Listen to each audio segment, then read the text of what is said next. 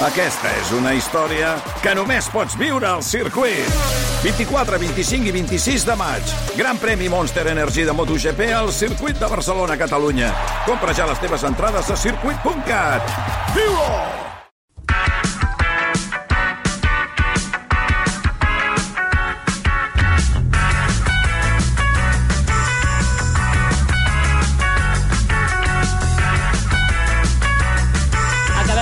Dilluns, com ja sabeu, amb el No s'ha parlat prou, amb el Carles Fiter. Què tal, Carles? Què tal? Bona bona nit. nit. I amb la Llucia Ramis. Llucia, bona nit. Que Bona abans he, nit. he tingut un lapsus amb el teu nom, no, no, no m'ha sortit en aquell moment. Estava jo pensant en una altra cosa. I quin nom has dit?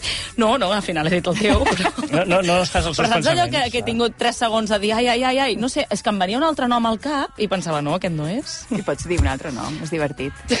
T'imagines? Sí. Que me l'hagués inventat. I... Sí. En fi, va, comencem per tu, Llucia. De què no s'ha parlat prou? Mira, de l'article de la Carlota Gurt, que publicava un article a l'Ara, titulat Els límits de la promoció i la decència, on explica el que implica parlar del teu llibre als actes i presentacions. No? Primer de tot, eh, recordar que els autors només perceben un 10% per cada llibre venut. Per tant, està entre els nostres interessos vendre molts llibres, sí. I, per tant, farem moltes promocions, molts actes de promoció, moltes presentacions per vendre molts llibres, no? Però fins a quin punt? Perquè si tu has de fer una promoció del teu llibre a un poble que no és el teu, que està a l'altra banda de Catalunya, Sí. per exemple, tu t'has de pagar el transport. I després... Sí, no ha... així, això, eh? Sí, sí, sí. Quan és promoció del llibre, Sí. eh, llavors tu vas, te conviden d'una llibreria per Allà on parlar... De, sigui. sí. Llavors eh, tu hi vas, el temps d'anar-hi, el temps de fer la presentació i el temps de tornar, i a lo millor no hi ha absolutament ningú. A lo millor només hi ha dues persones a, al públic, no? Uh, si aconsegueixes que hi hagi cinc persones i que totes cinc comprin, Comprin, el teu no? llibre, Ja t'ha sortit a compte. no t'ha sortit a compte. No? Carai. Un llibre Home, si val... diu que és un 10%, Clar, un 10% vol dir Bueno. que cobres un euro en 8, més o manco, per, per llibre venut. És menys que una cervesa, això. 5, 5, vist així, 5 euros, 6, 6 euros, no te, no, te, no te surt a compte, no? El problema no és aquest, en tot cas. El problema és que, de vegades, efectivament, arribes allà i no hi ha, no hi ha ningú. No, no fa gaire vàrem conèixer el cas d'una autora, na Chelsea Banning, que escriu històries artúriques, i explicava que a la signatura del seu primer llibre no hi va anar absolutament ningú. Bé, dues persones. Ella ho va explicar a Twitter, deia que estava molt decebuda, que estava molt avergonyida, perquè hi havia hagut 37 persones que havien confirmat assistència, però després no hi van anar, i que s'havia sentit molt malament eh, per, per aquesta situació. No? I arran d'això, Stephen King li va dir que la seva primera signatura eh, només hi va anar un noi que li va preguntar, escolta, tu saps on són els llibres de nazis? els llibres de coses nazis? I arran d'això també, eh, Margaret Atwood, l'autora Sí. sí. del conte de la serventa, també va explicar que eh, la primera vegada que van assignar llibres eh, també només hi va anar un noi que també li va demanar, no sé si cinta adhesiva o una cosa que no tenia res a veure amb el seu. I també, una, entre d'altres, entre moltíssims altres, eh, Neil Gaiman també es va... So Neil Gaiman... Jolín, sí, ho havies dit bé, ho havies dit bé. s'hi va solidaritzar, no? És a dir, que no és, és bastant habitual que quan comences en això d'escriure facis alguna assignatura, facis una presentació i no vagi ningú, no? El, El que passa és que estem parlant de casos com molt d'èxit, no? De dir, mira, jo van venir només dues persones i mira després que bé que hem anat, al principi, però clar, això no és... Al començament costa, no? El dia de Sant Jordi és una cura d'humilitat per tots els autors, perquè la majoria es Mm. passen hores sense signar ni un llibre, no? Estan esperant que qualcú els hi faci una mica de cas. Jo, des d'aquí, mm, vos demano que el dia de Sant Jordi vos en recordeu de tots els autors i totes les autores i, com a mínim, passeu a saludar. Uh, I les biblioteques, i especialment els clubs de lectura, estan ben organitzats i normalment convoquen gent quan hi ha una presentació d'aquest tipus, no? A més, eh, moltes vegades eh, paguen, tot i que estiguis fent la promoció del teu llibre, tot i que estiguis en, en moment de promoció, eh, et paguen per això. Però no sempre ho fan les llibreries. No, no sempre no. Les llibreries no paguen, no? Com que tu vas a vendre el teu llibre, tu vas a parlar del teu llibre, eh, el que fan les llibreries és oferir-te un espai perquè facis aquesta promoció, però no et paguen res, no? I, en canvi, es quedaran una part de cada llibre venut. Això és el que t'anava a preguntar, perquè, clar, m'has dit, l'autor, un 10%. Eh. Quina part es queden les llibreries? Mira, l'autor es queda un 10%, l'editor, eh, normalment, l'editorial es queda un 30%, i entre la distribuïdora i el punt de venda es queden el 60% del llibre. És a dir, que... Clar, que aquí la diferència... No estem parlant d'una diferència petita. No, passa una mica eh, en el món editorial com, com en el món de l'agricultura, no? Eh, Clar. que al final el productor, el que, el, que fa, el que fa el producte, és el que menys percep de tota la cadena, de, de tota la cadena, no? I aleshores què és el que plantejava la Clar. Carlota en aquest, eh, en aquest article? La Carlota Gurt proposa que si no hi ha un mínim de 15 persones a la presentació, 15 persones, tampoc està demanat 40, eh? Està És el mínim mínim. Sí. diu ella, diu, si no hi ha 15 persones a la presentació, qualcú, la llibreria, l'editorial, algú, hauria de pagar una tarifa de 100 euros a l'autor, que compensàs el fet d'haver anat a la llibreria a parlar del seu llibre durant una hora, perquè, a més a més, encara que hi vagi només una persona, a mi m'ha passat, eh? Eh, Una, dues persones... T'ha m'hi he tro- passat, he eh? trobat, sí, sí, sí. I no només això, també com, com a, com a Persona que, una de les dues persones que hi ha anat, no? Ah, No, no, com a acompanyant de la persona que presenta el llibre, m'ha passat que, que no hi havia absolutament ningú, ni una sola persona. Llavors ens vam anar l'autor i jo a prendre una cervesa perquè, perquè bé, ja que hi érem, no? Però sí que ella el que proposa és això, que si no hi ha un mínim de 15 persones, l'autor, l'autora que estigui presentant el llibre, eh, percebi 100 euros, com a mínim, que eh, li faci passar millor aquesta estona de parlar per poca gent. Que encara que sigui poca gent, eh, ho donaràs tot, ho explicaràs tot, però com a mínim eh, sentir que, que, que, et- que et surt a compte, no? I això no s'havia plantejat mai abans? O sí que hi havia potser algunes veus dins del sector que havien comentat alguna vegada que potser es podria fer alguna cosa semblant? Eh, ha millorat molt en el, eh, el Però fet qui, que... qui assumeix aquests 100 euros? La llibreria, no entenc? Ella diu que qualcú, o sigui, ja, ja no, sigui l'editorial o sigui la val. Jo, llibreria. jo sóc la llibreria i penso, jo, depèn de qui, ja no, no el convido perquè no, no m'agrada No, enxitxarar, ella clar. diu que està molt bé, que, no, que no- això faria que hi hagués menys, menys presentacions, però serien presentacions eh, més, més selectes, no? És a dir, Clar. estaria tot... Eh, vull dir que al final, eh, per què hi ha tantes presentacions? No calen tantes presentacions de llibres. Jo que, jo que m'hi dedic a, a anar a presentacions de llibres per fer la, la crònica, eh, n'hi ha moltíssimes. I és vera que n'hi ha que hi ha molta de gent, però també hi ha presentacions on, on hi ha poca, poca gent, no? Clar. Llavors, eh, clar, eh, hi hauria menys presentacions, se- estarien més concorregudes i, a més, convocar 15 persones tampoc hauria de ser tan difícil, no? Si t'ho curres una mica, si t'ho treballes, ho podries aconseguir. Eh, cal recordar que els autors no vivim dels llibres que escrivim. No vivim d'això, vivim d'altres coses. Per tant, dedicar tantes hores a una promoció que tampoc no ens ha de reportar res o, o gairebé mm. res, eh, de qualque manera eh, has de tenir la sensació que compensa o que et surt a compte de qualque manera. No? Llavors, és, és, és aquesta opció. Però tu deies, no, no s'ha no plantejat mai. Sí. Sí, s'ha plantejat abans. De fet, eh, fins fa molt poc, el que acompanya l'autor o l'autora, el, el, el que fa la presentació del llibre, no cobrava res. Sí, no, no. Digue'ns els periodistes. Això. fins que varen començar queixar-nos perquè, és clar tu no pots llegir-te eh, tots els llibres que has de presentar i a sobre, que també li dediques molta estona, Sí. després eh, també el, el, Prepara't unes preguntes, una mica bueno, de guió... i, i traslladar-te fins allà, no? És a dir, que sempre hi ha hagut com una mica um, aquesta sensació de precarietat en tot el que és, de, I- dins la indústria del llibre, el de- que és l'autoria. Depèn No? de la relació que tens amb qui et fa presentar el llibre, tampoc cobra res. I per jo, diria que tots en, no? hem estat, els No, però és que ara ningú taula. cobra res. No. Tingués, tingués relació o no hi tingués No, relació, no, no? Si, si, si, si no tens relació, ara sí que han començat les editorials... Ah, però han començat. Han començat això. ara a pagar. Però és una cosa bastant excepcional, també. Altra cosa és, eh, després, estem xerrant aquí de quan són les llibreries que conviden a l'autor, no quan és l'autor que vol fer una presentació del seu llibre. Sí, sí, en aquest sí. cas s'entén que no vulgui cobrar res, no? Però bé, aquesta és la proposta que fa hi la ha hagut Carlota uh, Gurt. alguna resposta per part del sector o comentaris també? És a dir, com s'ha rebut aquesta proposta? Bé, de fet, alguns editors eh, consideren que sí, que s'hauria de fer alguna reflexió sobre això, i molts autors consideren que potser no s'haurien de fer tantes presentacions, perquè eh, és vera que la, la idea que hi ha generalitzada és que a l'escriptor li agrada fer promoció, i no és vera. És a dir, si és escriptor normalment és perquè no li agrada la vida social. A veure, Ja ho ve de tot, Llucia. I, i llavors, uh, si no, tampoc caldria fer aquestes maratons que mos pegam cada vegada que, que traiem novetat, que, que al final és com... És que no tens dies... Perquè, a més a més, són maratons que fas a més a més de la teva feina, no? Clar, clar. I, I arriba un moment que acabes molt esgotada. A veure, doncs, si qui hagi de prendre nota, doncs pren nota d'aquesta proposta i si es comença a aplicar també. Tu com ho veus, Carles? No, jo penso que els 100 euros són...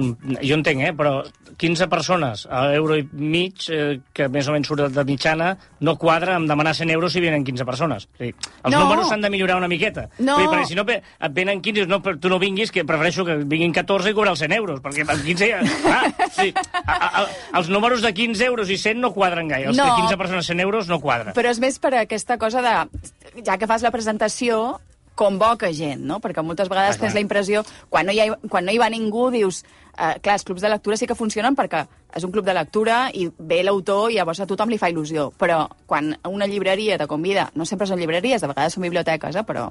Mhm. eh, llavors, quan te conviden, penses que faran una mica de promoció, penses que mouran una mica la cosa perquè la gent se n'assabenti, no?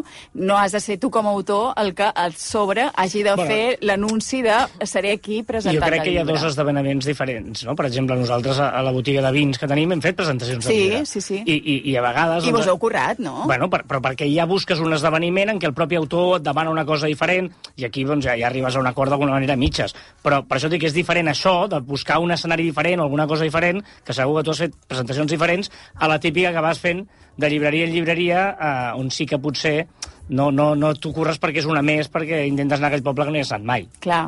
Que és, I ja no hi tens gairebé ni vinculació, però bueno, t'han cridat i vas i ho fas. Bé, ens, ens vas informant, eh? Els- Quan funciona és Sí, ja molt no- guapo, eh? Clar, S'ha de clar. dir, quan, quan va bé és molt guapo, però quan no funciona dius, ostres, m'he pegat un viatge de dues hores eh, arribar aquí. Sí, sí, jo he vist eh, situacions així que fins i tot, doncs, ostres, sap greu. Clar. Que vingui algú i dius, és que han vingut tres persones. doncs així que en aquest moment... Hem de fer moltes preguntes, ens hem de mostrar molt interessats, perquè si no, doncs... Va, queden 10 minuts per dos quarts d'onze, de què no s'ha parlat prou, Carles. A veure, mm, el Dia Mundial del Puzzle. Ah, Va ser ahir. Avui? Va ser ah. ahir. Bueno, va, va ser ahir. A- Avui és el dia... Ens serveix, doncs, sí. Avui és el dia mundial de la tecla Escape. Saps aquesta Sí, tecla? mira. Doncs avui és el dia mundial d'aquesta tecla, que ben bé no serveix quina- gaire per quin res. sentit té No, ho he, ho he buscat mundial? i, i, sí, bueno, els dies mundials no tenen Quin sentit. teclat més net. Sí, és blanc, a més a més, el tècnic Sí? de la ràdio. Mira. Molt. La, la, la tecla Escape era una cosa del, del codi ASCII i tal, no sé què, però bàsicament s'utilitza per, per quan vols sortir d'algun lloc que no saps com sortir, apretes a veure si surts, però realment té una explicació tècnica de per què es situa aquesta tecla. Però és igual. Però no vols parlar d'això. No, ja, però, sí, ma, No vols parlar del Dia Mundial d'avui, sinó del d'ahir. Correcte, he pensat que em quadrava més el d'ahir i he dit, calla, que parlaré d'aquestes tradicions. Sou de fer puzzles vosaltres o no? Ara fa anys que no en faig, la veritat. No, no gaire. És, realment és una tradició... Tu sí, eh? Jo sí, jo soc Ja molt veu, de puzzles. ja. Um, però m'agrada molt perquè, a més, és una cosa que fa... No té edat, és, és una cosa que pots fer amb pares, amb fills, amb els avis, uh, no, sé, no hi ha classes socials, és una cosa absolutament transversal i és meravellosa. I, i, i de fet, uh, um, una de les coses que bones que diuen és que els puzzles són bons per la memòria, la concentració, la reflexió, l'autoestima, les habilitats espacials eh, de l'espai, Sí. eh, treball en equip, ajuda a millorar la paciència, ajuda a treballar la frustració, és a dir, que hi ha un munt de, Carai, de virtuts puzzles, eh? a l'hora de fer puzzles i que sobretot demanen no, que els nens, és una de les coses que més, sobretot els nens, sí que en comencen Home, a abans fer. era un regal molt típic, no? Sí, és vera. Clar, és que, Que és... s'ha perdut... Vaja, jo com a mínim tinc la percepció que s'ha perdut una mica com a regal, sobretot, o de... no ho sé, Continua com a sent tradició. com, com una cosa de, de, de fer en família, no? Sí, de Quan fer- es reuniu per Nadal o una cosa... Bueno, depèn. Jo, per exemple, um, uh, um, hi ha molts pobles de Catalunya que encara fan a la festa major concursos de puzzles. O sigui, Ah. a part de que es puguin fer, hi ha concursos de puzzles que es fan en moltes festes majors de Catalunya, o fins i tot, mm, jo crec que ho he explicat alguna vegada, jo he participat en concursos uh, del Campionat d'Espanya de puzzles, que això es fa per... Això no ho sabia jo. Sí, sí, això es fa per parelles. Jo soc molt friqui, aquestes són les meves fricades, però eh, això es fa- per parelles. Lo normal, en els, en els de festa major, tothom té el mateix puzzle, donen la caixa eh, i comences a fer-lo i el primer que acaba. En, en aquest de, de Campionat d'Espanya vaig participar és et donen una bossa, no saps ni el que és.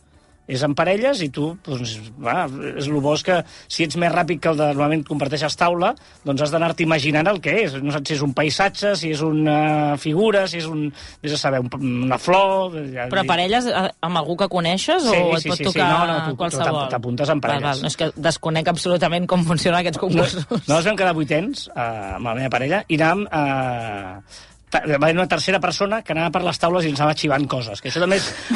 Home, si, si participes, ja participes. Però tinc una pregunta. Tots els, els puzzles eren iguals? Sí, sí, tothom els dona la mateixa El bossa. mateix. Sí, normalment és una taula allargada, la típica taula, que poses una cinta que divideixen per la meitat i tu tens com tres cantons a la taula, per entendre. És la típica taula rectangular Sí. que tens la meitat cada parella, llavors doncs, hi ha tot de taules i tu vas fent amb, amb tres cantons a la taula per poder fer el, Mhm. el puzzle. I llavors és un de 500 peces que depèn de com sigui el pots acabar en menys d'una hora, normalment en parelles. Clar, llavors aquí, eh, una de les eh, tècniques, jo un parell de coses, sobretot el més important és triar, és, és de les coses més avorrides que hi ha, però... Començar tria- per les vores. no. Va, veus? Aquesta veus? és l'altra No cosa que, que et parlo a nivell de concurs, eh? És a dir, una cosa és començar a triar eh, per tu ràpidament. No, no vulguis triar molt minuciosament, perquè l'important és fer una tria primera molt ràpida, que ja veus clar el que és verd, el que és blau, el que és blau amb alguna el que és verd amb alguna i el que té no sé què, i després ja faràs, has de retriar.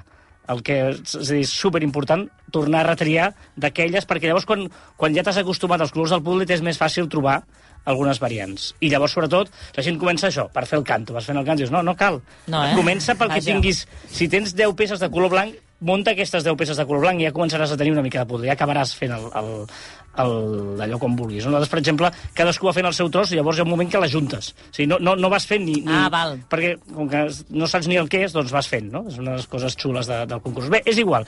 El tema... No, jo no venia No, és que ara, ara mira, ara m'interessava això. No, no, escolta, no, no, no.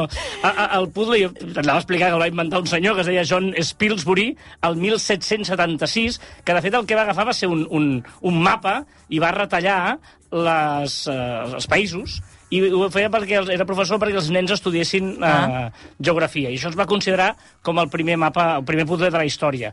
El 1820 es va començar a eh, comercialitzar i mira, fins avui. Mm, Luisa Figueiredo, de Brasil, té el rècord Guinness de tenir més puzzles del món. En té 1.047. No sé si els ha fet tots. Són molts, 1.047 Que els, però els té emmarcats, penjats a la paret. No he trobat. guardats a- Entenc que la gràcia és que els tingui fets, perquè comprar-los no té mèrit. Els ha de tenir fets, entenc Home, jo, suposo. home, si no... El puzzle més gran del món té 54.000 peces, repartides en 27 peces de 2.000 cada, 27 bosses de 2.000 peces cada una. Uf. Déu-n'hi-do. És, és un, hi ha diverses figures, uh, obres d'art, no? 50 obres d'art, des de Van Gogh, la Gioconda, etc. Mm. -hmm. um, jo he de dir que jo, jo, a mi em van regalar un puzzle de 12.000 peces Sí? quan vaig fer 18 anys. I encara no l'has acabat. I encara no l'he començat. Ah, home. Però per què? No t'agradava el dibuix? El, o... No, no, no, és, és el, el, el, saps el que aquest del Bosco, que és com el... Sí, que, que hi ha, el tríptic, el no? tríptic aquest, Sí. és, és això, clar, tu flipes. Ostres. és, pot ser divertit, però jo sempre vaig dir, amb 18 anys vaig pensar, quan me'n vagi a viure sol, per un espai, un fin fot d'anys que vaig marxar de casa i encara està a casa meva mare. Encara. Però n'has anat fent d'altres i aquest Sí, no. sí, és que és molt... És a dir, jo, per mi la mida ideal són 1.500 peces, que és una mida ideal perquè és una mida que pots eh, posar més o menys en una taula de casa, en un racó, el pots acabar relativament ràpid, en una tarda vespre el pots acabar, si t'hi poses... És a dir, aquesta és la mida ideal. Però clar, el de 12.000, tot el fet de triar és molt avorrit, és a dir, ha de ser molt pesat. I sobre què, què, què tries aquí al Bosco? Què? Hi ha molt de verd, hi ha molt color verd. I on el fiques? Clar, és... has Perquè, que saps quina, Sí, sí, era- quines era- mides té? no me'n recordo, I, I cabria aquí en aquesta taula que tenim aquí o no? Jo crec que no. No, eh? perquè és ovalada. Si fos quadrada, si fos Ah. ovalada, no hi cabria. Clar, és molt bèstia. Sí, 12.000 peces. I, ja I després què en fas? Clar, no? exacte. Perquè... Desfer-lo. Clar.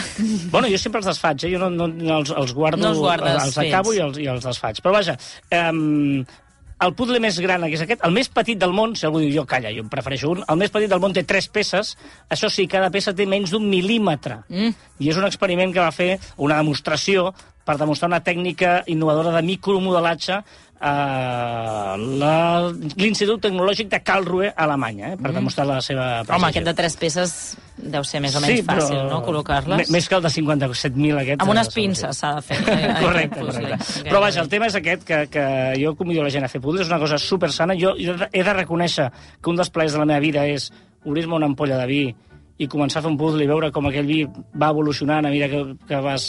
No sé, cadascú té el seu punt de relaxament i jo tinc el, el puzzle. Està molt bé. I tens allò de dir, mira, m'agraden sobretot les obres d'art o els de paisatges o alguns que t'agradin més que d'altres? segurament paisatges. El que no m'agraden són els que hi ha molt cel perquè llavors el cel és tot igual, és a dir, no, no pots jugar gaire a, a, a encertar la peça, perquè simplement és, és eh, pues anar comparant una per una, perquè són totes blaves igual, no? una mica de degradat de blau i ja està. Però m'agrada que tinguin, sí, paisatges, eh, diferents tonalitats de verd, diferents tonalitats per jugar, per...